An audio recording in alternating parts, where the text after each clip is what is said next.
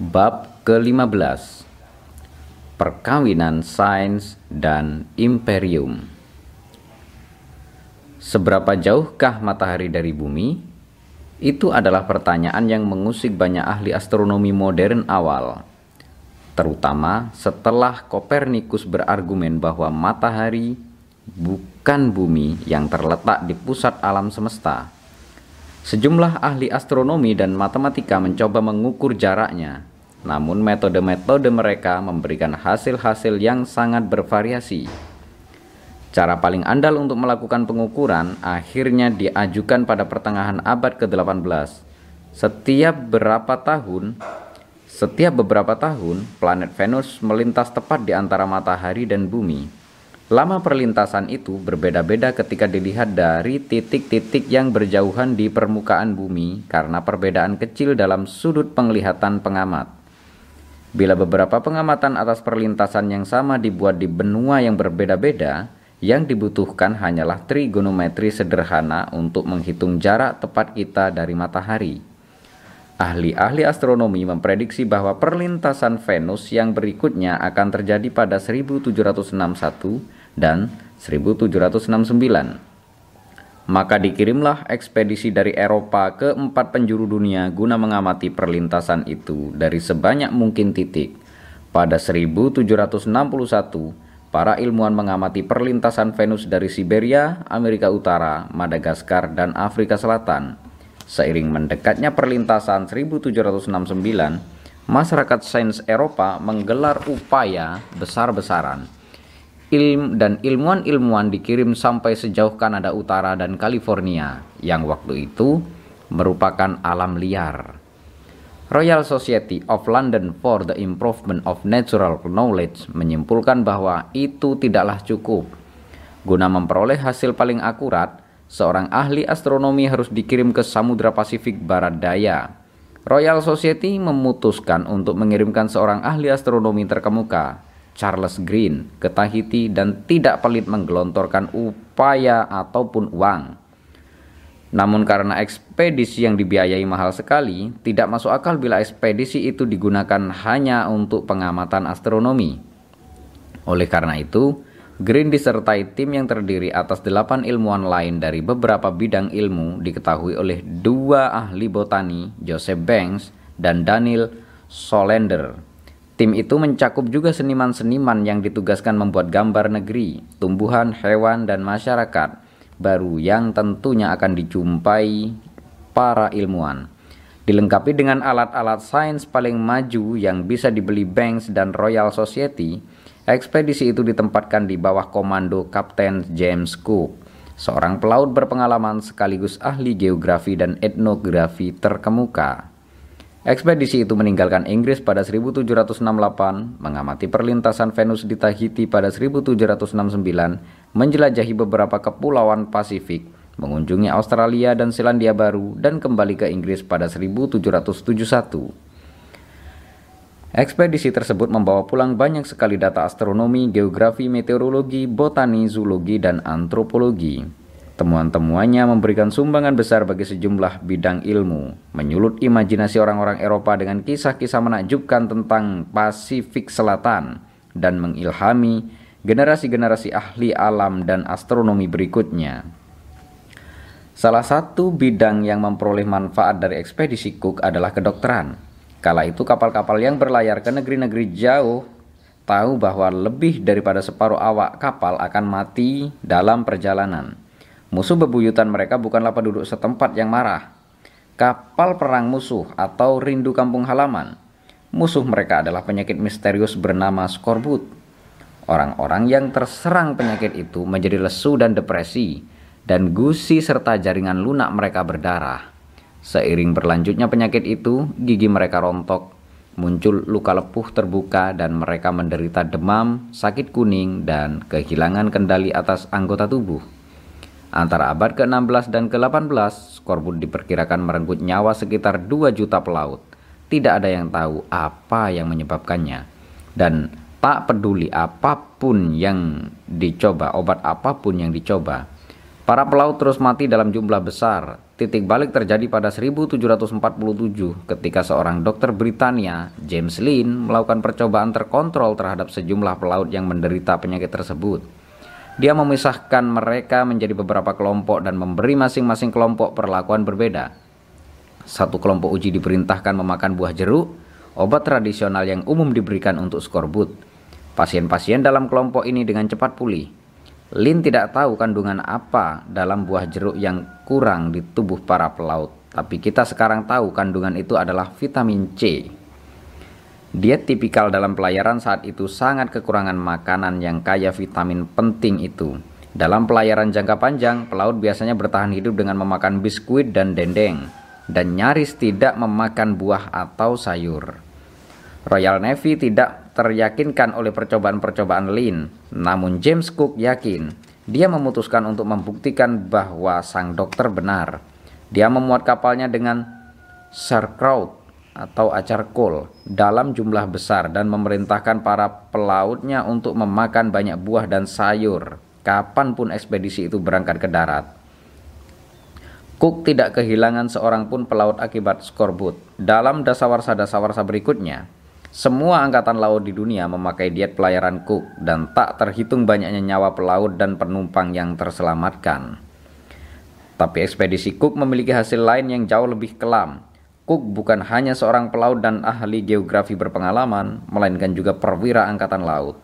Royal Society membiayai sebagian besar pengeluaran ekspedisi, namun kapal itu sendiri disediakan oleh Royal Navy, Angkatan Laut Britania juga mengirimkan 85 pelaut dan marinir yang dipersenjatai dengan baik dan melengkapi kapal itu dengan artileri, bedil, mesiu, dan berbagai senjata lainnya. Banyak informasi yang dikumpulkan oleh ekspedisi itu, terutama data astronomi, geografi, meteorologi, dan antropologi, jelas bernilai politik dan militer. Temuan berupa penanganan yang efektif bagi skorbut bersumbang sih sangat besar terhadap kendali Britania atas lautan di dunia dan kemampuannya mengirimkan bala tentara ke belahan lain dunia. Cook mengklaim banyak pulau dan negeri yang dia temukan untuk Britania, terutama Australia. Ekspedisi Cook meletakkan landasan bagi pendudukan Britania atas Pasifik Barat Daya, bagi penaklukan Australia, Tasmania, dan Selandia Baru, bagi pemukiman jutaan orang Eropa di koloni-koloni baru, dan bagi pemusnahan kebudayaan-kebudayaan asli dan sebagian besar populasi asli. Dalam satu abad setelah ekspedisi Cook, lahan-lahan paling subur di Australia dan Selandia Baru direbut dari penghuni sebelumnya oleh para pemukim Eropa.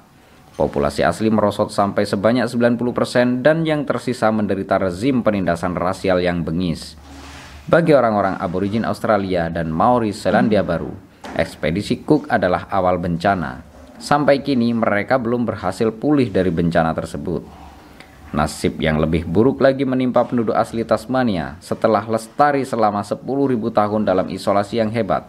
Mereka sepenuhnya tumpas sampai ke laki-laki, perempuan, dan anak terakhir dalam seabad setelah kedatangan Cook.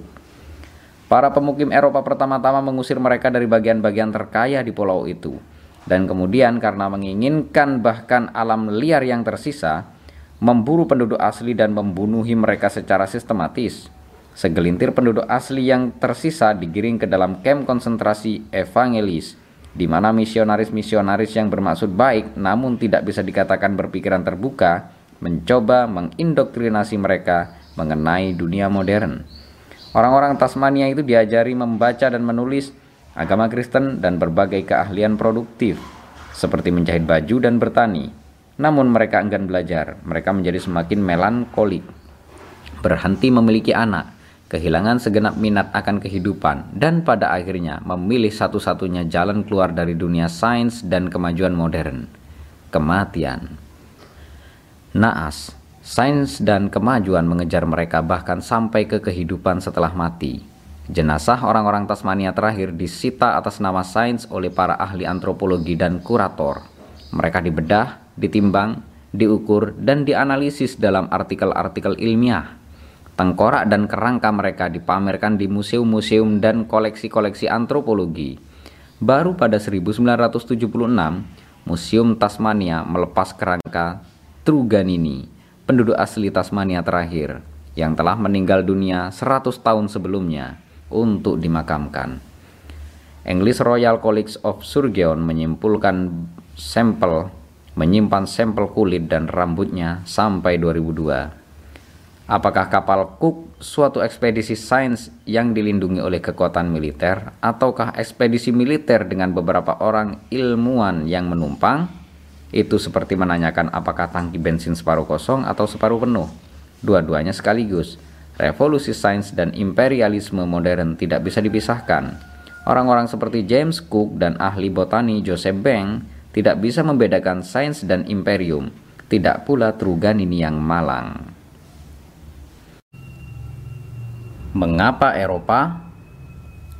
Kenyataan bahwa orang-orang dari satu planet besar di Atlantik Utara menaklukkan pulau besar di sebelah selatan Australia adalah salah satu kejadian paling janggal dalam sejarah. Tak lama sebelum ekspedisi Cook, pulau-pulau Britania dan Eropa Barat secara umum merupakan sekedar daerah terbelakang di dunia Laut Tengah. Tak banyak hal penting pernah terjadi di sana, Bahkan Kekaisaran Romawi, satu-satunya imperium Eropa pramodern penting, memperoleh sebagian besar kekayaannya dari provinsi-provinsi Afrika Utara, Balkan, dan Timur Tengah. Provinsi-provinsi Eropa Barat milik Roma adalah Wild West yang miskin, yang bersumbangsih kecil selain mineral dan budak. Eropa Utara sedemikian liar dan barbar sehingga bahkan tidak berharga untuk ditaklukkan. Baru pada akhir abad ke-15, Eropa menjadi pusat perkembangan militer, politik, ekonomi, dan budaya penting. Antara 1500 dan 1750, Eropa Barat mendapat momentum dan menjadi penguasa dunia luar. Yang berarti, kedua benua Amerika dan Samudra, bahkan ketika itu Eropa masih bukan tandingan kekuatan-kekuatan besar di Asia, Orang-orang Eropa berhasil menaklukkan Amerika dan merebut supremasi di laut terutama karena kekuatan-kekuatan Asia tidak berminat terhadap Amerika dan laut. Era modern awal adalah zaman keemasan bagi Kesultanan Osmani di Laut Tengah. Kerajaan Safavi di Persia, Kesultanan Mughal di India, dan dinasti-dinasti Ming dan Qing di Tiongkok. Semuanya memperluas wilayah secara signifikan dan menikmati pertumbuhan demografi serta ekonomi yang tidak pernah terjadi sebelumnya.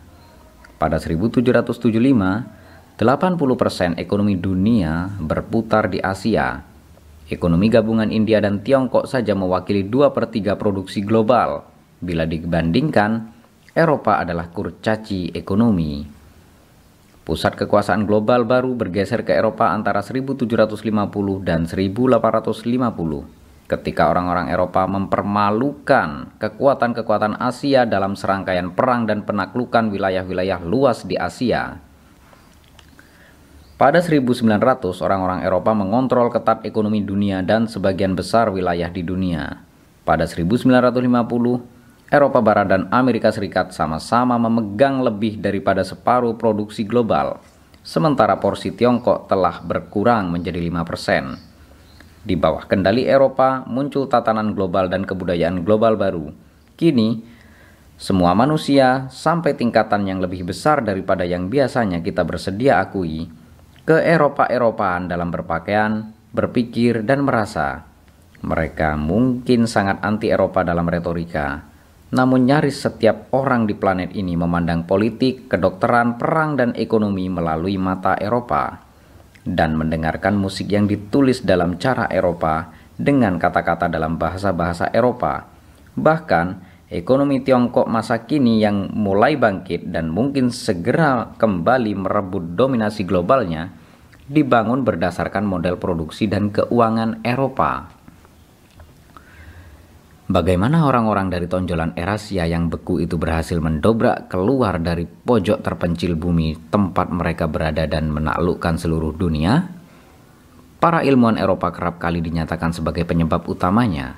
Tidak diragukan lagi bahwa sejak 1850 dominasi Eropa sebagian besarnya bersandar kepada kompleks militer, industri sains, dan keajaiban teknologi. Semua imperium modern akhir yang sukses membudidayakan penelitian sains dengan harapan akan memanen inovasi teknologi dan banyak ilmuwan menghabiskan sebagian besar waktu untuk mengembangkan senjata, obat, dan mesin bagi tuan-tuan imperium. Ada ungkapan yang lazim di antara para prajurit Eropa yang menghadapi musuh-musuh Afrika. Apa pun yang terjadi, kita punya senapan mesin, mereka tidak. Teknologi sipil tidak kalah penting, Makanan kaleng mengisi perut para prajurit, rel kereta dan kapal uap mengangkut para prajurit dan perbekalan, sementara segudang obat baru menyembuhkan para prajurit, pelaut, dan juru mesin lokomotif. Kemajuan-kemajuan logistik itu berperan lebih besar dalam penaklukan Afrika oleh Eropa daripada senapan mesin. Namun sebelum 1850, bukan seperti itu yang terjadi. Kompleks militer industri sains masih bayi buah teknologi dari revolusi sains belum lagi matang, dan kesenjangan teknologi antara kekuatan-kekuatan Eropa, Asia, dan Afrika masih kecil. Pada 1770, James Cook jelas memiliki teknologi yang jauh lebih baik daripada aborigin Australia. Namun demikian juga orang-orang Tiongkok dan Osmani. Kalau begitu, mengapa Australia dijelajahi dan dijajah oleh Kapten James Cook dan bukan oleh Kapten Wang Zhengxi atau Kapten Hussein Pasha? Yang lebih penting lagi, apabila pada 1770 orang-orang Eropa tidak punya keunggulan teknologi signifikan atas orang-orang Muslim, India dan Tiongkok, bagaimana mereka dalam seabad berikutnya berhasil membangun kesenjangan yang sedemikian besar antara diri mereka sendiri dan bangsa-bangsa lain di dunia? Mengapa kompleks militer industri sains muncul di Eropa bukan di India? Ketika Britania melompat maju, mengapa Prancis, Jerman, dan Amerika Serikat dengan cepat mengikuti, sementara Tiongkok tertinggal di belakang? Ketika kesenjangan antara negara-negara industri dan non-industri menjadi faktor ekonomi dan politik yang gamblang, mengapa Rusia, Italia, dan Australia berhasil menutup kesenjangan tersebut, sementara Persia, Mesir, dan Kesultanan Osmani gagal? Toh teknologi gelombang industri pertama relatif sederhana, Mengapa susah betul bagi orang-orang Tiongkok dan Osmani untuk merekayasa mesin uap, membuat senapan mesin, dan memasang rel kereta? Rel kereta komersial pertama di dunia mulai beroperasi pada 1830 di Britania. Pada 1850, negara-negara barat telah dilintasi oleh nyaris 40.000 km rel. Namun di seluruh Asia, Afrika, Amerika Latin baru ada 4.000 km rel. Pada 1880, Barat membanggakan lebih dari 350 ribu kilometer rel, sementara di seluruh dunia paling-paling baru ada 35 ribu kilometer jalur kereta. Dan sebagian besar di antaranya dipasang oleh orang-orang Britania di India. Rel kereta pertama di Tiongkok baru dibuka pada 1876, panjangnya 25 km dan dibangun oleh orang-orang Eropa. Pemerintah Tiongkok menghancurkan rel itu tahun berikutnya. Pada 1880, Kekaisaran Tiongkok tidak mengoperasikan satu jalur kereta pun. Jalur kereta pertama di Persia dibangun baru pada 1888 dan jalur itu menghubungkan Tehran dengan situs suci muslim sekitar 10 km di selatan ibu kota tersebut. Rel itu dibangun dan dioperasikan oleh satu perusahaan Belgia pada 1950, total jaringan rel kereta Persia masih pendek sekali, 2.500 km, untuk negara yang tujuh kali lipat lebih besar dari Britania.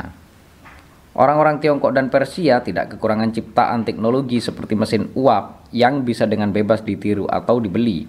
Mereka kekurangan nilai, mitos, aparat kehakiman, dan struktur-struktur sosiopolitik yang butuh berabad-abad untuk terbentuk dan menjadi matang di barat, yang tidak bisa ditiru dan diinternalisasi secara cepat. Prancis dan Amerika Serikat dengan cepat mengikuti jejak Britania karena orang-orang Prancis dan Amerika juga memiliki mitos-mitos dan struktur-struktur sosial terpenting Britania. Orang-orang Tiongkok dan Persia tidak bisa mengejar secepat itu karena mereka berpikir dan mengorganisasi masyarakat secara berbeda. Penjelasan ini menyorotkan sinar baru ke periode dari 1500 sampai 1850. Selama era itu, Eropa tidak menikmati keunggulan teknologi, politik, militer, ataupun ekonomi yang mencolok atas kekuatan-kekuatan Asia namun benua itu membangun potensi unik yang arti pentingnya mendadak menjadi jelas pada sekitar 1850. Kesetaraan yang tampak antara Eropa, Tiongkok, dan dunia Islam pada 1750 adalah suatu ilusi. Bayangkan, Dua tukang yang masing-masing sibuk membangun menara-menara yang sangat tinggi, satu tukang menggunakan kayu dan batu lumpur, sementara yang satu lagi menggunakan baja dan semen. Pada awalnya tampaknya tidak ada yang banyak perbedaan di antara keduanya, karena kedua menara itu dibangun dengan laju yang hampir sama dan mencapai tinggi yang hampir sama. Tapi begitu suatu ambang batas kritis terlampaui, menara kayu dan lumpur tidak bisa bertahan melawan tekanan dan runtuh. Sementara menara baja dan semen terus tumbuh lantai demi lantai sejauh mata kita bisa melihat.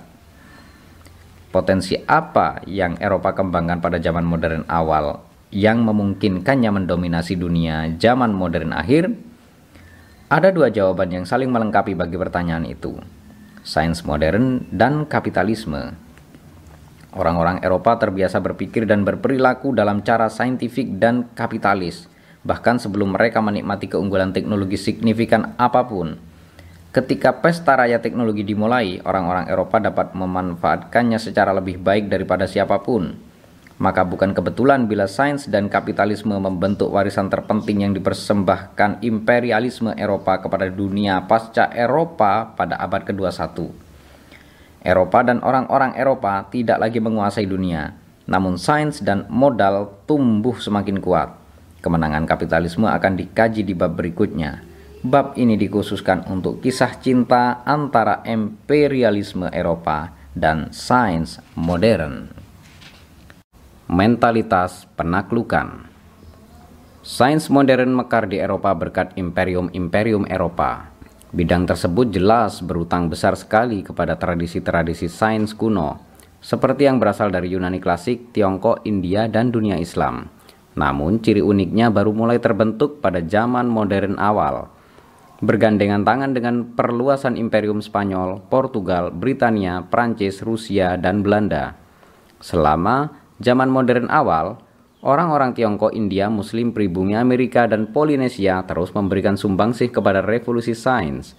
Wawasan para ahli ekonomi Muslim dipelajari oleh Adam Smith dan Karl Marx Pengobatan yang dirintis oleh dokter-dokter pribumi Amerika masuk ke dalam teks-teks kedokteran Inggris dan data yang diambil dari informan-informan Polinesia merevolusi antropologi barat. Namun sampai pertengahan abad ke-20, orang-orang yang menghimpun beraneka ragam temuan sains dan melahirkan bidang-bidang sains dalam prosesnya adalah elit penguasa dan intelektual di imperium-imperium global Eropa dunia timur jauh dan Islam menghasilkan pemikir-pemikir yang sama cerdas dan sama ingin tahunya dengan pemikir-pemikir Eropa. Tapi antara 1500 dan 1950, mereka tidak menghasilkan apa-apa yang mendekati fisika Newtonan atau biologi Darwinan. Ini bukan berarti orang Eropa memiliki gen unik untuk sains, atau mereka akan selamanya mendominasi bidang fisika dan biologi seperti juga Islam bermula sebagai monopoli Arab namun kemudian diambil alih oleh orang-orang Turki dan Persia. Maka sains modern bermula sebagai kekhususan Eropa namun kini menjadi usaha multi etnik. Apa yang menempa ikatan historis antara sains modern dan imperialisme Eropa? Teknologi merupakan faktor penting pada abad ke-19 dan ke-20. Namun pada zaman modern awal, teknologi hanya memiliki arti terbatas. Yang merupakan faktor kunci adalah bahwa sang ahli botani pencari tumbuhan dan perwira angkatan laut pencari koloni memiliki pola pikir yang serupa. Sang ilmuwan dan sang penakluk sama-sama mulai dengan mengikuti ketidaktahuan mereka sama-sama mengatakan, "Aku tidak tahu apa yang ada di luar sana." Mereka berdua merasa terdorong untuk pergi dan membuat temuan-temuan baru, dan mereka sama-sama berharap pengetahuan baru yang diperoleh akan menjadikan mereka penguasa-penguasa dunia. Imperialisme Eropa sama sekali tidak mirip semua proyek imperium lain dalam sejarah. Orang-orang berupaya mendirikan imperium terdahulu cenderung menganggap mereka telah memahami dunia.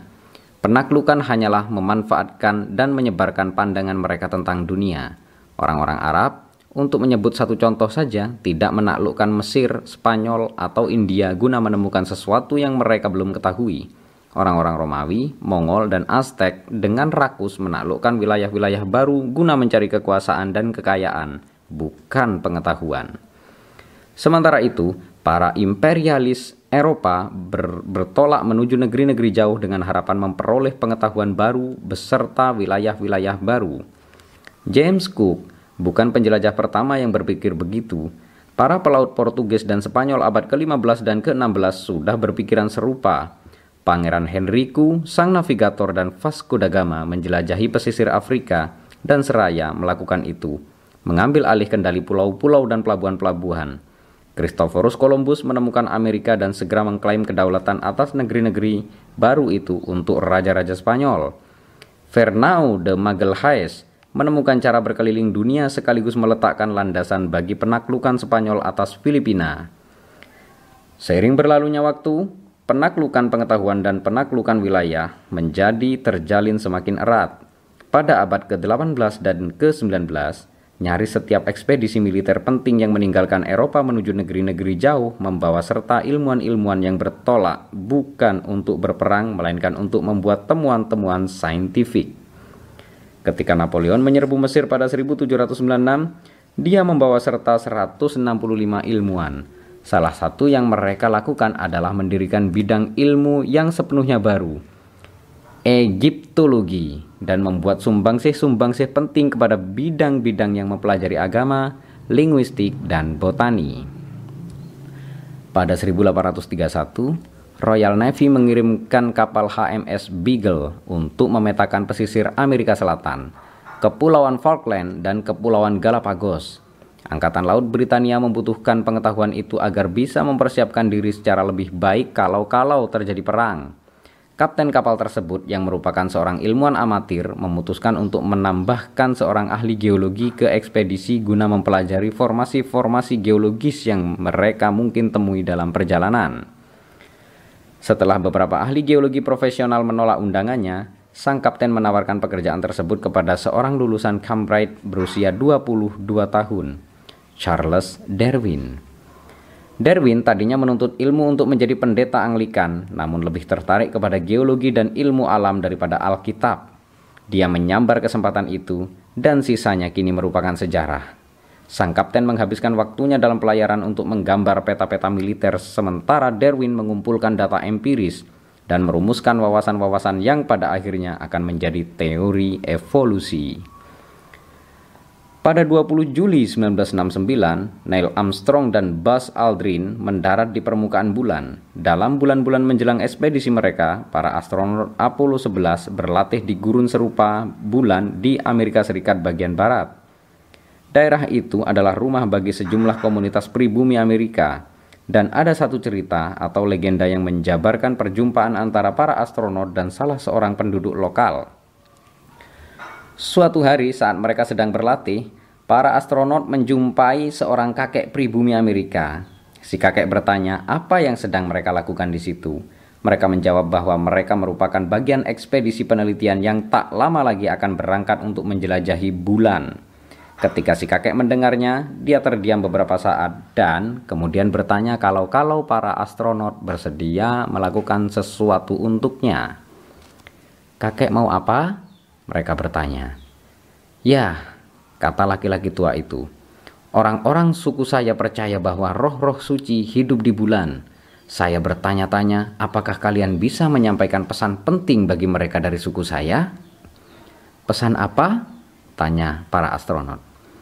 Si kakek mengucapkan sesuatu dalam bahasa sukunya dan kemudian meminta para astronot mengulanginya berkali-kali sampai mereka hafal dengan tepat.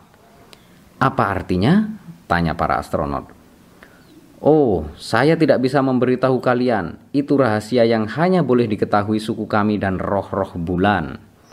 Ketika kembali ke pangkalan, para astronot mencari-cari sampai mereka menemukan seseorang yang bisa berbicara bahasa suku tersebut dan meminta dia menerjemahkan pesan rahasia itu. Ketika mereka mengulangi hafalan mereka, sang penerjemah mulai terbahak-bahak. Ketika akhirnya dia tenang, para astronot menanyakan apa arti ucapan tersebut. Si penerjemah menjelaskan bahwa kalimat yang mereka hafalkan sebaik mungkin itu berbunyi, Jangan percaya sepatah kata pun yang orang-orang ini katakan kepadamu. Mereka datang untuk merebut wilayahmu. Peta-peta kosong Mentalitas jelajahi dan taklukkan modern digambarkan dengan baik oleh perkembangan peta-peta dunia. Banyak kebudayaan menggambarkan peta dunia lama sebelum zaman modern. Tentu saja tak seorang pun di antara mereka benar-benar mengenal seluruh dunia. Tidak ada kebudayaan Afro-Asia yang tahu tentang Amerika dan tidak ada kebudayaan Amerika yang tahu soal Afro-Asia.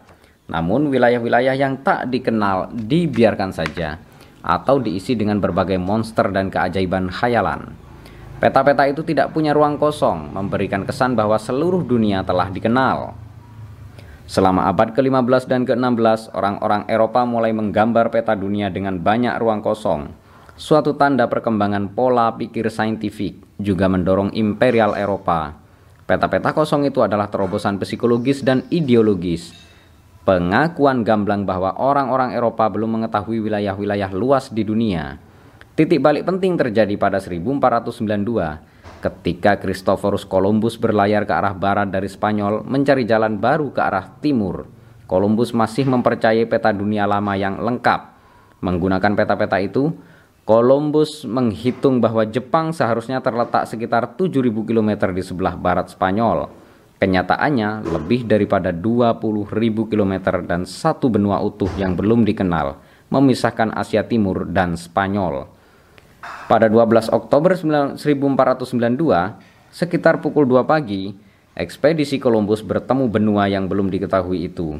Juan Rodriguez Bermejo yang mengamati dari tiang kapal Pinta melihat suatu pulau di daerah yang kini kita kenal sebagai Bahama dan meneriakkan daratan, daratan. Columbus percaya dia telah mencapai satu pulau kecil di lepas pesisir Asia Timur. Dia menyebut orang-orang yang dia jumpai di sana sebagai orang Hindia, Indian, karena dia berpikir dia telah mendarat di Hindia, apa yang kini kita sebut Hindia Timur atau Kepulauan Indonesia. Columbus terus memegang kesalahan itu seumur hidupnya. Gagasan bahwa dia telah menemukan satu benua yang sama sekali belum dikenal tidak terpikirkan olehnya dan banyak orang di generasinya selama ribuan tahun. Para pemikir dan cendikiawan terbesar juga kitab-kitab suci yang tidak mungkin salah hanya mengetahui Eropa, Afrika, dan Asia. Mungkinkah semuanya salah? Mungkinkah Alkitab kelupaan menyebutkan separuh dunia? Seolah-olah pada 1969 di tengah perjalanan ke bulan, Apollo 11 jatuh ke satu bulan lain yang mengelilingi bumi dan sampai saat itu belum dikenal dan entah bagaimana lolos dari semua pengamatan sebelumnya dalam penolakannya untuk mengakui ketidaktahuan, Columbus masih merupakan manusia zaman pertengahan. Dia meyakini bahwa dia mengetahui seluruh dunia dan bahkan penemuan bersejarahnya itu gagal membuatnya meyakini hal sebaliknya. Manusia modern pertama ialah Amerigo Vespucci, seorang pelaut Italia yang ambil bagian dalam beberapa ekspedisi ke Amerika pada 1499 hingga 1504. Antara 1502 dan 1504, Dua naskah yang menjabarkan ekspedisi-ekspedisi itu diterbitkan di Eropa. Tulisan-tulisan itu dinyatakan sebagai hasil karya Vespucci. Naskah Vespucci berargumen bahwa daerah-daerah baru yang ditemukan Columbus bukanlah pulau-pulau di lepas pesisir Asia Timur, melainkan benua utuh yang belum dikenal oleh kitab suci. Ahli geografi klasik maupun orang-orang Eropa zaman itu pada 1507, seorang pembuat peta terkemuka bernama Martin Walsemuller yang mempercayai argumen-argumen itu menerbitkan peta dunia yang diperbarui. Peta pertama yang menunjukkan tempat yang didarati armada-armada Eropa yang berlayar ke arah barat sebagai benua baru. Setelah menggambarnya, Walt Semuller harus memberi nama benua baru itu. Oleh karena keliru mengira Amerigo Vespucci sebagai orang yang menemukannya, Walt, Walt Semuller menamai benua itu untuk menghormatinya. Amerika.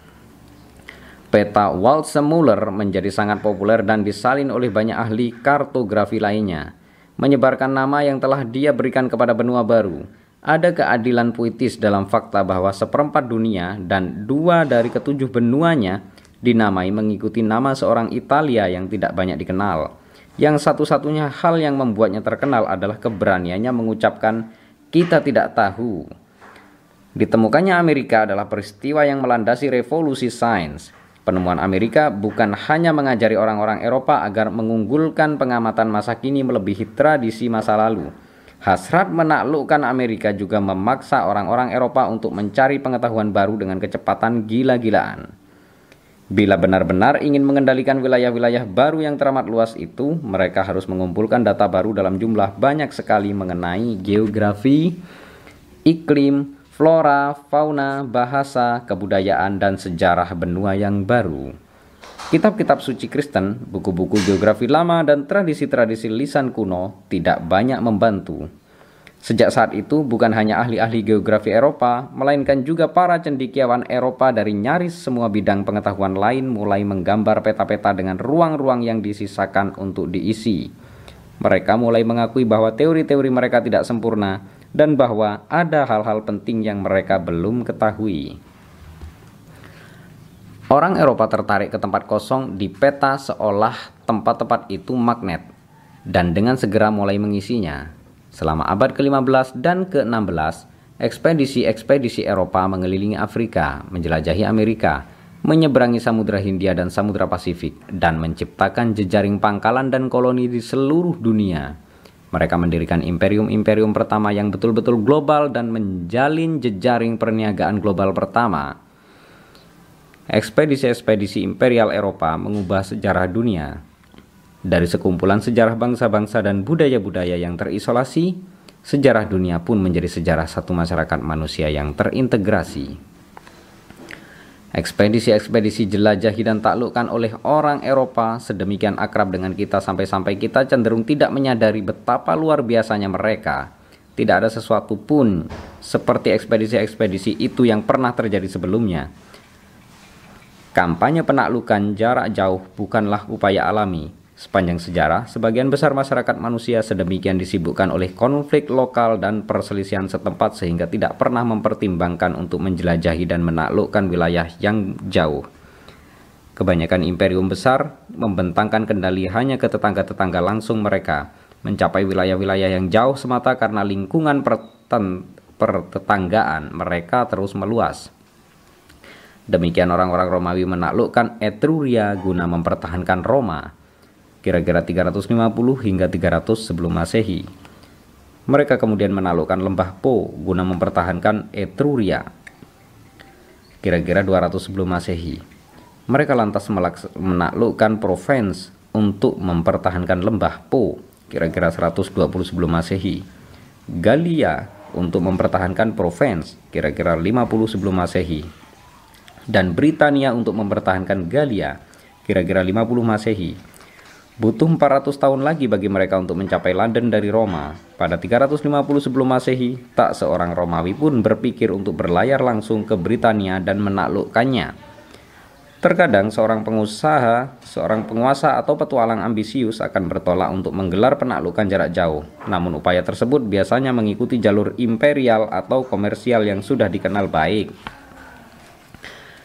Penaklukan oleh Alexander Agung misalnya tidak menghasilkan pendirian imperium baru, melainkan merebut imperium yang sudah ada, negeri orang-orang Persia. Pendahulu yang paling menyerupai imperium modern Eropa adalah imperium bahari kuno Athena dan Kartago, dan imperium bahari zaman pertengahan Majapahit, yang menguasai sebagian besar Indonesia pada abad ke-14. Namun imperium-imperium itu pun jarang berupaya menguasai lautan yang tidak dikenal Ikhtiar bahari mereka adalah upaya lokal bila dibandingkan dengan upaya global orang Eropa modern. Banyak cendekiawan berpendapat bahwa pelayaran Laksamana Cheng Hu, Zheng He, dari dinasti Ming Tiongkok lebih dahulu dan lebih hebat daripada pelayaran penemuan oleh orang Eropa. Antara 1405 dan 1433, Cheng Ho memimpin tujuh armada besar dari Tiongkok ke pelosok-pelosok jauh Samudra Hindia yang terbesar dari ketujuh armada ini terdiri atas hampir 300 kapal dan membawa nyaris 10.000 orang. Armada Chengho mengunjungi Indonesia, Sri Lanka, India, Teluk Persia, Laut Merah, dan Afrika Timur. Kapal-kapal Tiongkok membuang sauh di Jeddah. Pelabuhan utama Hizas dan Malindi di pesisir Kenya. Armada Columbus pada 1492 yang terdiri atas tiga kapal kecil dengan awak 120 pelaut bagaikan trio nyamuk dibandingkan kawanan naga Cheng Ho. Namun ada perbedaan teramat penting. Cheng Hu menjelajahi samudra dan membantu para penguasa yang pro Tiongkok, namun dia tidak berupaya menaklukkan ataupun menjelajah negara-negara yang dia kunjungi. Terlebih lagi, ekspedisi-ekspedisi Cheng Hu tidak tertanam dalam politik dan kebudayaan Tiongkok. Ketika pihak berkuasa di Beijing berganti pada 1430-an, tuan-tuan yang baru mendadak menghentikan operasi tersebut. Armada Akbar itu dibubarkan, pengetahuan teknis dan geografis yang penting lenyap. Dan tidak ada penjelajah dengan kaliber dan sarana sehebat itu pernah berlayar dari pelabuhan Tiongkok. Para penguasa Tiongkok abad-abad berikutnya, seperti kebanyakan penguasa Tiongkok abad-abad sebelumnya, membatasi kepentingan dan ambisi mereka di lingkungan langsung kerajaan tengah. Ekspedisi Cheng Ho membuktikan bahwa Eropa tidak menikmati keunggulan teknologi yang menonjol. Yang membuat orang-orang Eropa istimewa adalah ambisi mereka yang tiada banding dan tak terpuaskan untuk menjelajahi dan menaklukkan. Walaupun mungkin pernah punya kemampuan itu, orang Romawi tidak pernah berupaya menaklukkan India atau Skandinavia. Orang Persia tidak pernah berupaya menaklukkan Madagaskar atau Spanyol. Sedangkan orang Tiongkok tidak pernah berupaya menaklukkan Indonesia atau Afrika. Sebagian besar penguasa Tiongkok bahkan membiarkan saja Jepang yang ada di dekatnya. Tidak ada sesuatu pun yang aneh soal itu. Yang aneh adalah orang Eropa modern terserang demam dan mendorong mereka berlayar ke negeri jauh dan sepenuhnya tak dikenal. Yang pernah kebudayaan asing, yang penuh kebudayaan asing, melangkah setapak di pantainya dan langsung memaklumatkan, Aku nyatakan semua wilayah ini milik rajaku. Serbuan dari antariksa pada sekitar 1517 para, kolonis Spanyol di Kepulauan Karibia mulai mendengar kabar burung mengenai negeri Digdaya di suatu tempat di tengah-tengah daratan utama Meksiko. Hanya empat tahun kemudian, ibu kota Aztec telah menjadi reruntuhan membara. Imperium Aztec menjadi bagian masa lalu, dan Hernan Cortés memerintah Imperium Spanyol baru yang sangat luas di Meksiko. Orang Spanyol tidak berhenti untuk memuji diri sendiri atau bahkan menarik napas. Mereka langsung melancarkan operasi jelajahi dan taklukkan ke segala arah. Para penguasa Amerika Tengah sebelumnya, bangsa Aztec, Toltec, dan Maya nyaris tidak tahu bahwa Amerika Selatan itu ada dan tidak pernah berupaya menundukkannya selama 2000 tahun. Namun dalam waktu tak sampai 10 tahun setelah penaklukan Spanyol atas Meksiko, Francisco Pizarro telah menemukan Imperium Inca di Amerika Selatan lalu menundukkannya pada 1532. Seandainya bangsa Aztec dan Inca menunjukkan minat yang sedikit lebih besar kepada dunia yang mengelilingi mereka, dan seandainya mereka tahu apa yang telah orang-orang Spanyol lakukan kepada tetangga-tetangga mereka, mereka mungkin melawan penaklukan Spanyol dengan lebih bersemangat dan lebih berhasil. Dalam tahun-tahun antara perjalanan pertama Columbus ke Amerika 1492 dan pendaratan Cortes di Meksiko 1519, orang Spanyol menaklukkan sebagian besar kepulauan Karibia, mendirikan serangkaian koloni baru. Bagi penduduk asli yang dikalahkan, koloni-koloni itu adalah neraka dunia. Mereka diperintah dengan tangan besi oleh para kolonis yang serakah dan bejat, yang memperbudak mereka dan memaksa mereka bekerja di pertambangan dan perkebunan, membunuh siapa pun yang mencoba mengadakan perlawanan sekecil apa pun. Sebagian besar penduduk asli dengan segera mati, entah itu karena kondisi kerja yang berat atau keganasan penyakit-penyakit yang menumpang ke Amerika di atas kapal layar para penakluk. Dalam 20 tahun, nyaris seluruh penduduk asli Karibia tersapu habis para koloni Spanyol mulai mengimpor budak Afrika untuk mengisi kekosongan tersebut. Genosida itu berlangsung tepat di ambang pintu Imperium Aztec. Namun ketika Cortes mendarat di pesisir timur negeri itu, orang-orang Aztec sama sekali tidak mengetahuinya. Kedatangan orang-orang Spanyol laksana serbuan makhluk asing dari antariksa. Orang-orang Aztec yakin bahwa mereka mengetahui seluruh dunia dan memerintah sebagian besarnya. Tak terbayangkan oleh mereka bahwa di luar wilayah mereka ada sesuatu seperti orang Spanyol. Ketika Cortes dan anak buahnya mendarat di pantai cerah yang kini dikenal sebagai Veracruz, itulah kali pertama orang Aztec menjumpai bangsa yang sama sekali tidak diketahui. Orang Aztec tidak tahu bagaimana harus bereaksi. Mereka kesulitan menentukan apa sebenarnya orang-orang asing itu.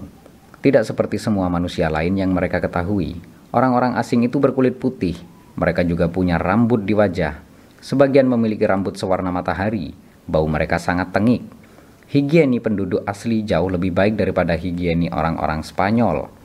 Ketika orang-orang Spanyol pertama tiba di Meksiko, penduduk asli yang membawa pembakar dupa ditugaskan menemani ke mana pun mereka pergi. Orang-orang Spanyol kira itu pertanda penghormatan bagi dewa. Kita tahu dari sumber-sumber penduduk asli bahwa mereka bahwa bagi mereka bau para pendatang baru itu tidak enak. Budaya material para makhluk asing bahkan lebih membingungkan lagi. Mereka datang dalam kapal-kapal raksasa yang wujudnya tak pernah dibayangkan atau dilihat orang Aztec. Mereka menunggangi hewan-hewan besar dan menakutkan yang bergerak secepat angin. Mereka menghasilkan petir dan guntur dari tongkat logam yang berkilau. Mereka memiliki pedang panjang mengkilap dan zirah yang tak bisa ditembus yang tak bisa diapa-apakan oleh pedang kayu dan tombak batu api milik penduduk asli.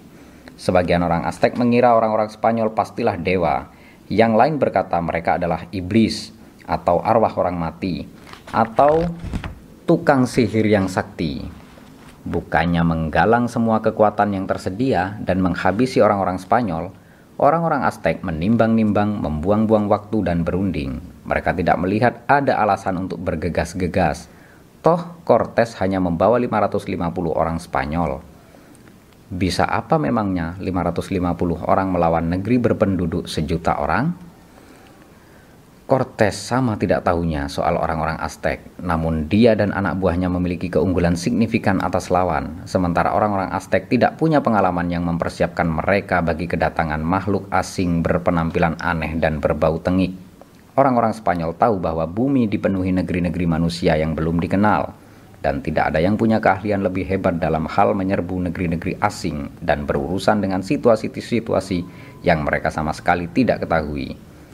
Bagi penakluk dari Eropa modern, seperti juga ilmuwan dari Eropa, Eropa modern, menceburkan diri ke dunia yang belum diketahui sungguh mengasihkan. Maka ketika Cortes membuang sauh di pantai cerah itu pada Juli 1519, dia tidak segan-segan bertindak, bagaikan makhluk asing dalam fiksi sains yang muncul dari pesawat antariksa. Cortes mengumumkan kepada penduduk setempat yang terkesima, "Kami datang dalam damai, bawa kami ke pemimpin kalian." Cortes menjelaskan bahwa dia adalah utusan damai dari Raja Agung Spanyol dan meminta perbincangan diplomatik dengan penguasa Aztec Montezuma kedua. Itu adalah kebohongan tak kenal malu. Cortes memimpin ekspedisi mandiri yang mengikut sertakan petualang-petualang serakah. Raja Spanyol tak pernah mendengar soal Cortes ataupun orang-orang Aztec. Cortes diberi pemandu, makanan, dan bantuan militer oleh musuh-musuh lokal orang-orang Aztec. Dia kemudian bergerak menuju ibu kota Aztec, metropolis besar Tenochtitlan. Orang-orang Aztec membiarkan makhluk-makhluk asing itu berbaris sampai ke ibu kota kemudian dengan hormat membawa pemimpin para alien untuk menjumpai Raja Montezuma. Di tengah-tengah perbincangan, Cortes memberi sinyal dan orang-orang Spanyol yang bersenjatakan baja membantai para pengawal Montezuma yang bersenjatakan hanya gada kayu dan pisau batu. Tamu yang terhormat menawan tuan rumahnya. Cortes kemudian berada dalam situasi yang sangat rawan dia telah menangkap sang raja, namun dikelilingi oleh puluhan ribu prajurit musuh yang marah, jutaan penduduk sipil yang tidak bersahabat, dan satu benua yang pada dasarnya dia tidak kenal sama sekali. Dia hanya membawahi beberapa ratus orang Spanyol dan kubu Spanyol terdekat terletak di Kuba, lebih dari 1500 km jauhnya. Cortes menawan Montezuma di istananya, mengatur agar sang raja terlihat seolah-olah tetap bebas dan memerintah, dan seolah-olah sang duta besar Spanyol tak lebih daripada seorang tamu. Aztec adalah negara yang sangat tersentralisasi dan situasi yang belum pernah terjadi itu melumpuhkannya. Montezuma terus berperilaku seolah-olah dia memerintah negara itu dan elit Aztec terus mematuhinya, yang berarti mereka mematuhi Cortes. Situasi itu berlangsung selama beberapa bulan dan selama itu Cortes menginterogasi Montezuma dan pelayan-pelayannya melatih penerjemah-penerjemah dalam berbagai bahasa lokal, dan mengirimkan ekspedisi-ekspedisi Spanyol kecil ke arah ke segala arah guna mempelajari imperium Aztec berikut berbagai suku, bangsa, dan kota yang dikuasainya. Elit Aztec pada akhirnya memberontak melawan Cortes dan Montezuma, memilih raja baru dan mengusir orang-orang Spanyol dari Tenochtitlan. Tapi pada saat itu sudah banyak retakan yang muncul di negeri Aztec. Cortes menggunakan pengetahuan yang dia berhasil peroleh untuk memperlebar retakan-retakan itu dan memecah Aztec dari dalam. Dia meyakinkan banyak bangsa taklukan imperium untuk bergabung bersamanya melawan elit penguasa Aztec. Bangsa-bangsa taklukan itu salah perhitungan parah mereka membenci orang-orang Aztec, namun mereka tidak tahu apa-apa soal Spanyol atau genosida Karibia. Mereka menganggap bahwa dengan bantuan orang-orang Spanyol, mereka bisa lepas dari cengkraman Aztec. Gagasan bahwa orang-orang Spanyol akan mengambil alih tidak pernah terpikir oleh mereka. Mereka yakin apabila Cortes dan beberapa ratus anak buahnya menimbulkan masalah, mereka dapat dengan mudah membereskan Cortes Bangsa-bangsa yang memberontak menyediakan bala tentara yang terdiri atas puluhan ribu prajurit lokal bagi Cortes. Dan dengan bantuan bala tentara itu, Cortes pun mengepung Tenochtitlan dan menaklukkan kota tersebut. Pada tahap itu, semakin banyak prajurit yang dan pemukim Spanyol yang mulai tiba di Meksiko.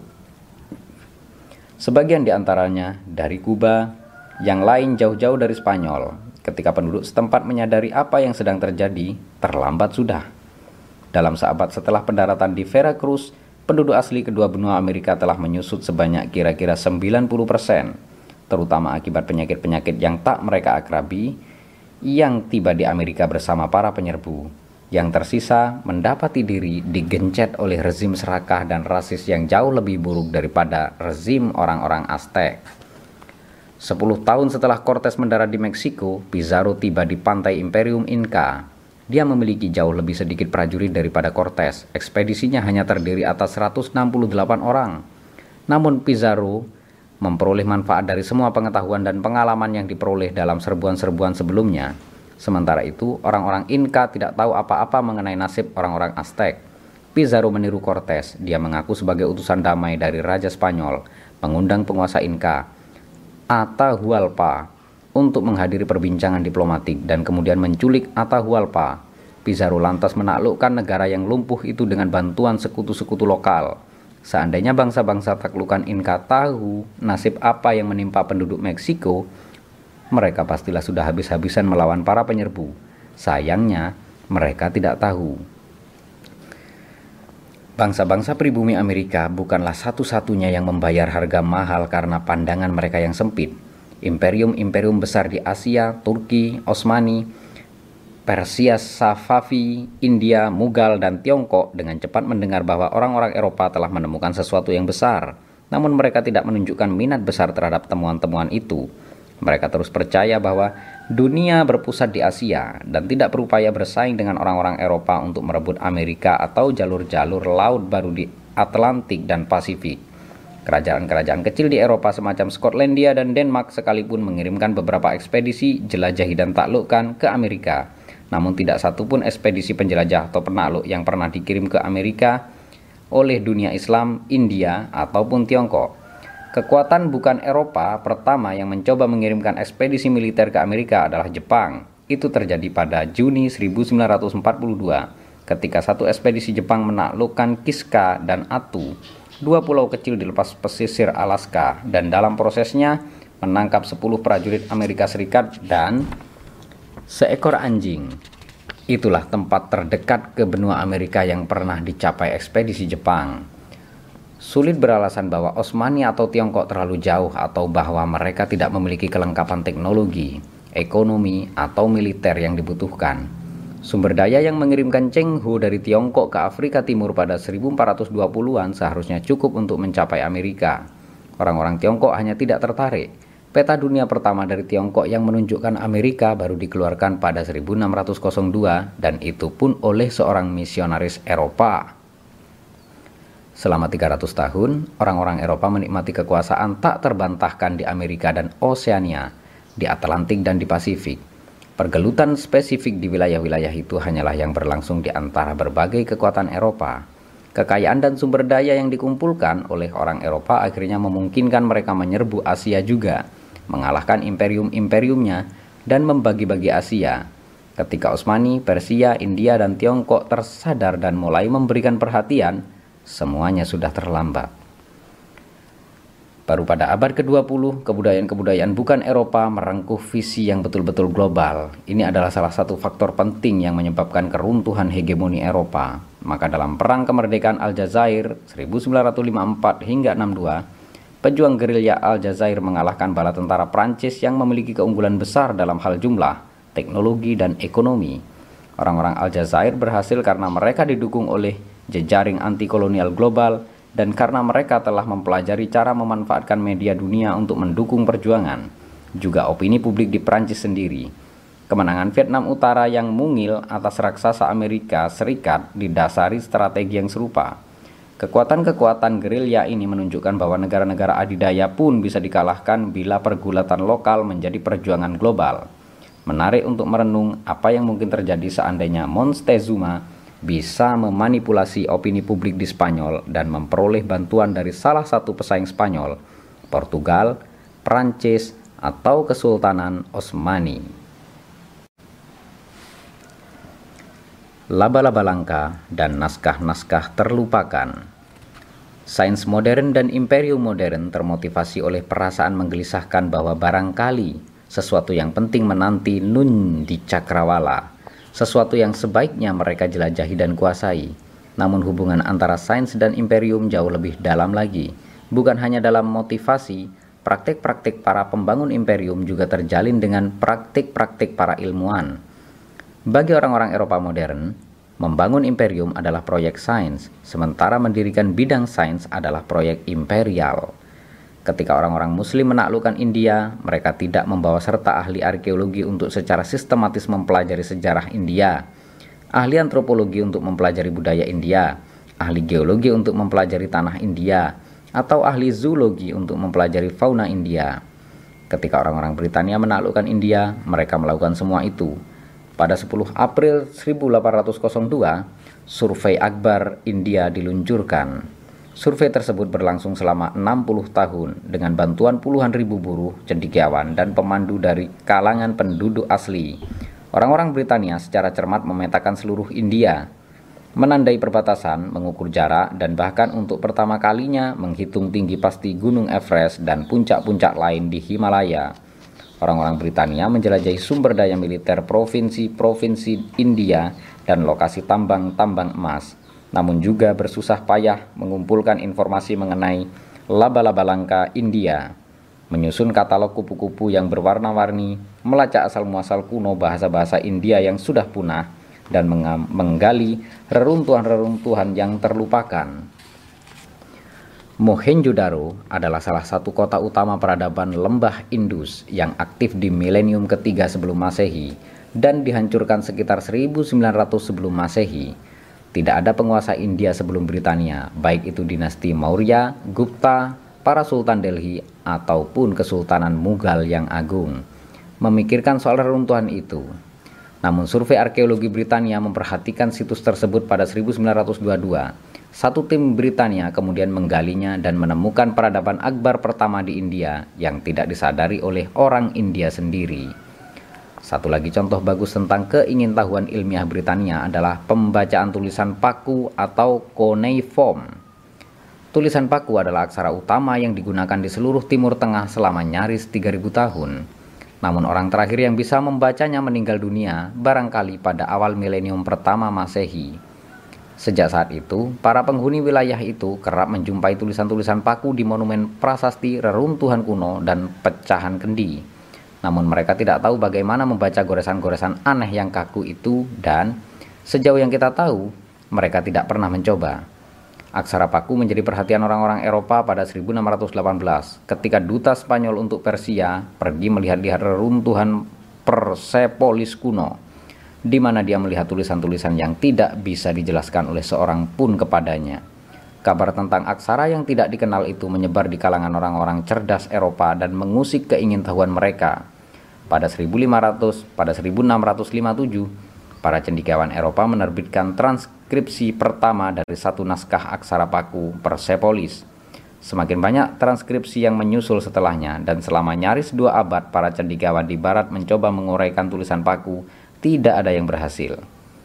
Pada 1830-an, seorang perwira Britania bernama Henry Rawlinson dikirim ke Persia untuk membantu Sang Shah melatih bara tentaranya dengan gaya Eropa. Pada waktu senggangnya, Rawlinson melawat keliling Persia dan suatu hari dia dibawa seorang pemandu lokal ke tebing di pegunungan Zagros dan ditunjuki prasasti Behistun yang berukuran raksasa. Prasasti setinggi 15 meter dan selebar 25 itu diukir jauh di atas muka tebing atas perintah Raja Darius pertama pada sekitar 500 sebelum masehi. Prasasti tersebut ditulis dengan aksara paku dalam tiga bahasa, Persia kuno, Elam, dan Babylon. Prasasti itu dikenal baik oleh penduduk lokal, namun tidak ada yang bisa membacanya. Rawlinson menjadi yakin bahwa seandainya dia bisa menguraikan tulisan tersebut, dia dan cendikiawan-cendikiawan lain akan bisa membaca banyak prasasti dan naskah yang kala itu ditemukan di seluruh penjuru Timur Tengah, membuka pintu ke suatu dunia kuno dan terlupakan. Langkah pertama dalam menguraikan huruf-huruf itu adalah menghasilkan transkripsi akurat yang bisa dikirimkan ke Eropa. Rawlinson menantang maut untuk melakukan itu, menyusuri tebing curam untuk menyalin huruf-huruf aneh dia menyewa beberapa penduduk setempat untuk membantunya. Yang paling menonjol adalah seorang anak laki-laki Kurdi yang memanjat ke bagian-bagian tebing yang paling susah dicapai guna menyalin bagian atas prasasti. Pada 1847, proyek itu selesai, lalu satu salinan penuh dan akurat dikirim ke Eropa. Rawlinson tidak lantas bersantai-santai setelahnya. Sebagai seorang perwira angkatan darat, dia punya misi militer dan politik untuk dilaksanakan. Namun kapan pun dia mau, namun kapan pun dia punya waktu luang, dia berupaya memecahkan aksara rahasia itu. Dia mencoba metode demi metode sampai akhirnya berhasil menguraikan bagian prasasti yang ditulis dalam bahasa Persia kuno. Ini adalah yang paling mudah, sebab bahasa Persia kuno tidak jauh beda dari bahasa Persia modern, yang Rawlinson pahami dengan baik. Pemahaman atas bagian yang berbahasa Persia kuno memberinya kunci yang dibutuhkan untuk membongkar rahasia bagian-bagian yang berbahasa Elam dan Babylon. Gerbang besar mengayu terbuka, dan suara-suara kuno mampu bersemangat pun mengalir keluar dengan deras. Hiruk pikuk pasar Sumer, maklumat Raja Asyur, perdebatan birokrat Babylon, tanpa upaya imperialis Eropa modern seperti Rawlinson, kita tidak akan tahu banyak perihal nasib imperium-imperium Timur Tengah kuno. Seorang lagi cendikiawan imperialis, imperialis yang termuka ialah William Jones. Jones tiba di India pada September 1873 guna mengabdi sebagai hakim di Mahkamah Agung Benggala. Dia juga terpesona oleh keajaiban India sehingga tak sampai enam bulan setelah kedatangannya, dia telah mendirikan Asiatic Society. Organisasi akademik ini memusatkan perhatian untuk mempelajari kebudayaan, sejarah, dan masyarakat Asia terutama India. Dalam dua tahun berikutnya, Jones menerbitkan The Sanskrit Language, naskah perintis sains linguistik perbandingan. Dalam buku ini, Jones menunjukkan kemiripan-kemiripan mengejutkan Sanskerta, bahasa India kuno yang menjadi bahasa keramat ritual Hindu dengan bahasa Yunani dan Latin juga kemiripan-kemiripan antara semua bahasa itu dan bahasa-bahasa Goths, Celt, Persia kuno, Jerman, Prancis, dan Inggris. Misalnya mother alias ibu. Dalam bahasa Sanskerta adalah matar, dalam bahasa Latin mater, dan dalam bahasa Celt kuno matir. Jones menyimpulkan bahwa bahasa-bahasa ini pastilah berasal muasal sama, berkembang dari leluhur kuno yang kini terlupa. Oleh karena itu, dia menjadi orang pertama yang mengidentifikasi apa yang kemudian disebut famili bahasa-bahasa Indo-Eropa. The Sanskrit language adalah hasil penelitian penting bukan hanya karena hipotesis-hipotesis Jones yang berani dan akurat, namun juga karena metodologi teratur yang dia kembangkan untuk membandingkan bahasa-bahasa. Metodologi itu digunakan oleh cendikiawan-cendikiawan lain, memungkinkan mereka mempelajari secara sistematis perkembangan semua bahasa di dunia. Linguistik menerima dukungan antusias dari imperium. Imperium-imperium Eropa percaya bahwa agar bisa memerintah secara efektif, mereka harus mengetahui bahasa-bahasa dan budaya-budaya rakyat taklukan. Para perwira Britania yang tiba di India diharuskan menghabiskan waktu sampai tiga tahun di satu Kolase, Kolkata, di mana mereka mempelajari hukum Hindu dan Islam selain hukum Inggris.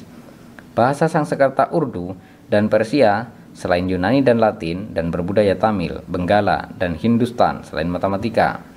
Ekonomi, dua, dan geografi. Bidang studi linguistik menyediakan bantuan tak ternilai dalam memahami struktur data dan tata bahasa lokal. Berkat karya orang-orang seperti William Jones dan Henry Rawlinson, para penakluk Eropa mengenal imperium mereka dengan baik, jauh lebih baik bahkan daripada semua penakluk lain sebelumnya, bahkan lebih daripada penduduk asli sendiri. Pengetahuan superior memaksa pengetahuan superior mereka memiliki keuntungan praktis yang jelas. Tanpa pengetahuan semacam itu, kecil kemungkinan orang-orang Britania dalam jumlah luar biasa sedikit berhasil memerintah menindas dan mengeksploitasi beratus-ratus juta orang India. Selama dua abad, sepanjang abad ke-19 dan ke-20, kurang lebih kurang daripada 5.000 perwira Britania, sekitar 40.000 hingga 70.000 prajurit Britania, dan barangkali dan barangkali 100.000 orang Britania lain berupa pebisnis pencari kesempatan istri dan anak-anak ternyata cukup untuk menaklukkan dan memerintah sampai 300 juta orang India. Namun keunggulan praktis bukan satu-satunya alasan mengapa imperium membiayai studi linguistik, botani, geografi, dan sejarah. Yang tidak kalah penting adalah fakta bahwa sains memberikan justifikasi ideologis bagi imperium. Orang Eropa modern menjadi percaya bahwa memperoleh pengetahuan baru selalu baik. Fakta bahwa imperium menghasilkan aliran pengetahuan baru membuatnya dicap sebagai ikhtiar progresif dan positif. Bahkan kini, Sejarah sains seperti geografi, arkeologi, dan botani tidak bisa tidak berterima kasih kepada imperium-imperium Eropa, setidaknya secara tidak langsung. Sejarah botani tidak bisa berbicara banyak perihal penderitaan orang-orang aborigin Australia, namun biasanya mereka menemukan kata-kata pujian bagi James Cook dan Joseph Banks. Terlebih lagi, pengetahuan baru yang dikumpulkan oleh imperium memungkinkan, setidaknya dalam teori, imperium memberikan manfaat bagi populasi-populasi yang ditakdirkan dan mempersembahkan manfaat kemajuan, menyediakan kedokteran dan pendidikan, membangun rel kereta dan kanal, memastikan keadilan dan kemakmuran. Para imperialis mengklaim bahwa imperium mereka bukan ikhtiar eksploitasi besar-besaran, melainkan proyek altruistik yang dianggap yang dilangsungkan demi demi ras yang dilangsungkan demi ras-ras bukan Eropa. Dalam kata-kata Rudyard Kipling, beban orang kulit putih. Take up the white man's burden. Send forth the best you breed.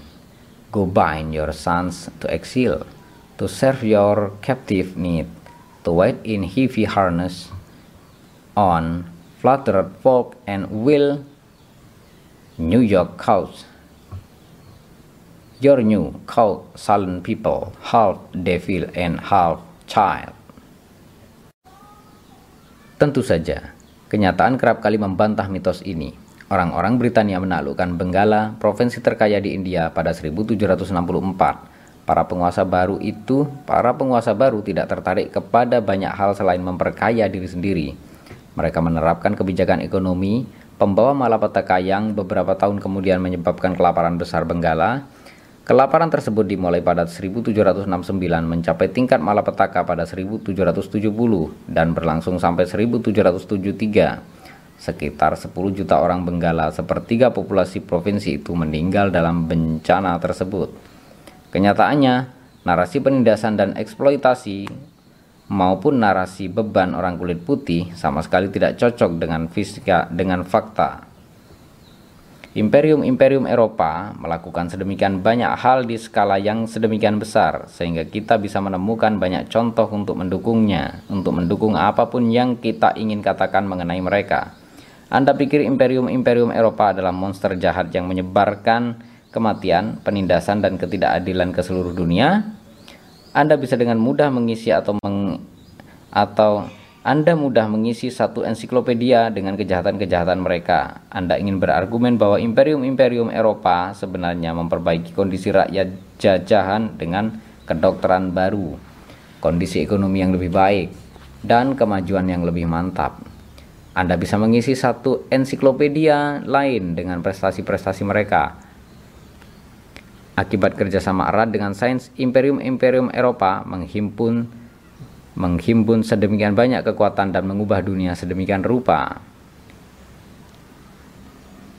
Sehingga barangkali tidak bisa dengan sederhana dicap sebagai baik atau jahat. Mereka menciptakan dunia yang kita ketahui termasuk ideologi-ideologi yang kita gunakan untuk menilai mereka.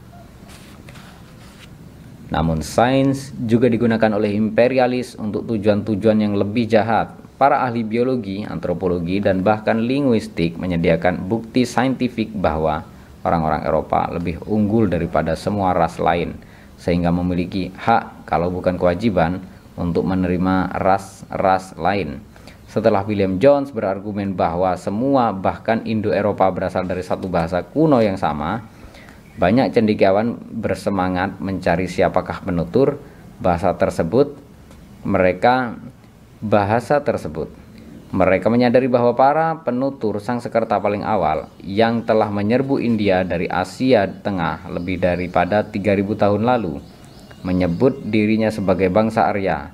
Para penutur bahasa Persia terawal menyebut diri Arya. Para cendekiawan Eropa lantas menyimpulkan bahwa penutur bahasa purba yang melahirkan yang melahirkan bahasa Sanskerta maupun bahasa Persia juga bahasa Yunani, Latin, God dan Celt pastilah pastilah menyebut diri mereka sendiri. Pastilah menyebut diri mereka sendiri Arya. Apakah kebetulan kalau orang-orang yang mendirikan peradaban-peradaban India, Persia, Yunani, dan Romawi yang menakjubkan ternyata semuanya orang kaya? Berikut para candikawan Britania, Prancis, dan Jerman mengawinkan teori linguistik mengenai orang Arya yang rajin dengan teori seleksi alam Darwin dan mengajukan bahwa orang-orang Arya bukan hanya suatu kelompok linguistik yang melainkan yang melainkan suatu etnis biologi, suatu ras, dan bukan sembarangan gas, melainkan gas penguasa yang terdiri atas manusia, manusia bertubuh jangkung, bertambah kecil terang, berambut terang, bermata biru, pekerja keras, dan super rasional yang muncul dari kabut di antara guna meletakkan landasan bagi kebudayaan di seluruh dunia. Sayangnya, orang-orang Arya yang menyerbu India dan Persia mengawini penduduk lokal yang mereka temukan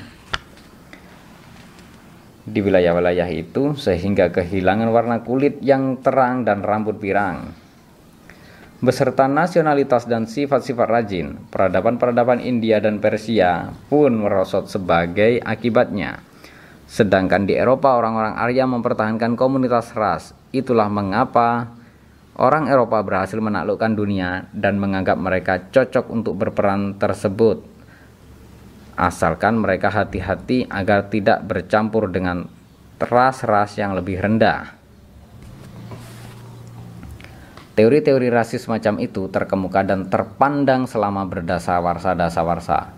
Setelah menjadi hal yang memalukan yang dibenci para ilmuwan maupun politikus, orang-orang yang terus berjuang dan melawan rasisme tanpa menyadari bahwa garis depan pertumbuhannya, pertumpuran adalah bergeser dan bahwa tempat rasisme dalam mitologi imperial kini telah digantikan oleh kulturisme tidak ada kata semacam itu, tapi sudah saatnya kita buat. Di antara elit masa kini, pertanyaan-pertanyaan mengenai perbedaan sifat kelompok-kelompok manusia nyaris selalu diberikan berdasarkan segi perbedaan sejarah antar budaya. Bukan perbedaan biologi antar ras. Kita tidak lagi berkata, itu sudah mendarah daging, atau katakan, itu bagian budaya mereka maka itulah pas maka itulah partai-partai sayap kanan Eropa yang menentang imigrasi orang-orang muslim biasanya berhati-hati menghindari istilah rasial. Menurut polisi, pidato Marine menurut polisi menurut para penulis pidato Marine Le Pen pasti bakal langsung diatur diusir seandainya saja mereka menyarankan kepada sang pemimpin Front Nasional untuk menyatakan dalam siaran televisi, kami tidak ingin orang-orang Semit yang inferior itu menggencarkan darah Arya kami dan mencemari peradaban Arya kami. Sebaliknya, Front Nasional Prancis, Partai Kebebasan, Partai Kebebasan Belanda, Aliansi Masa Depan Austria, dan semacamnya cenderung berdalih bahwa kebudayaan Barat adalah seperti yang telah berevolusi di Eropa, berciri khas nilai-nilai demokratik dan toleransi dan kekuasaan gender, sementara kebudayaan Muslim yang berevolusi di Timur Tengah berciri khas politik hierarkis, fanatisme, dan misogini. Karena kedua karena kedua kebudayaan itu begitu berbeda. Dan karena banyak ingin imigran dan karena banyak imigran muslim tidak bersedia dan barangkali tidak bisa menerima nilai-nilai barat mereka tidak boleh diizinkan masuk kalau tidak mereka bakal memicu konflik internal dan menguras informasi dan liberalisme. Argumen-argumen kulturis semacam itu mendapat angin dari penelitian-penelitian sains di bidang humaniora dan ilmu sosial yang menyoroti apa yang dijuluki benturan perbedaan dan perbedaan mendasar antara kebodohan kebudayaan berbeda. Tidak semua ahli sejarah dan antropologi menerima teori-teori itu atau ataupun mendukung penggunaannya ataupun mendukung penggunaannya dalam politik. Namun sementara ahli-ahli biologi kini sudah kini sudah aja menyangkal rasisme. Cukup dengan menjelaskan bahwa prosedur biologis prosedur biologis ahli sejarah dan antropologi untuk menyerang untuk merangkul kulturisme untuk merangkul untuk menyangkal kulturisme Bagaimana juga kalau perbedaan-perbedaan antara kebudayaan-kebudayaan kebudayaan manusia itu remeh? Buat apa kita membayar ahli dan sejarah atau antropologi untuk mempelajari kita? Para ilmuwan telah menyediakan pengetahuan praktis, justifikasi para ilmuwan telah menjustifikasi Para ilmuwan telah menjadikan pengetahuan praktik justifikasi ideologis dan teknologi bagi proyek imperium. Tanpa sumbangan itu, orang Eropa belum tentu bisa menaklukkan dunia.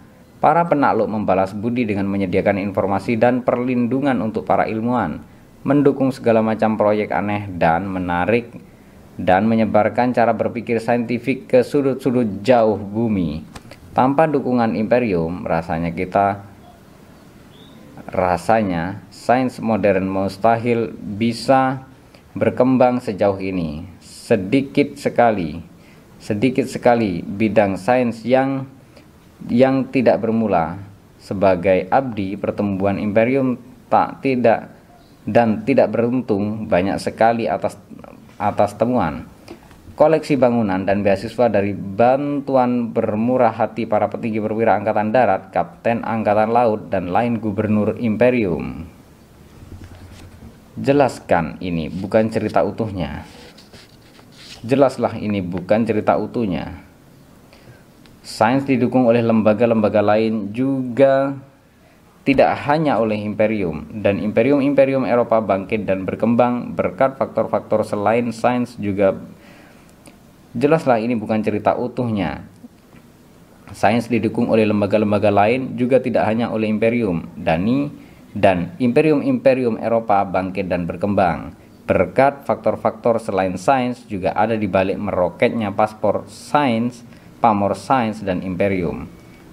Tersembunyi bersembunyi satu kekuatan yang sangat penting, kapitalisme. Kalau bukan karena pebisnis yang berupaya mendulang uang, Columbus tidak akan pernah mencapai Amerika, James Cook tidak akan pernah mencapai Australia, dan Neil Armstrong tidak akan pernah membuat langkah kecil di permukaan bulan.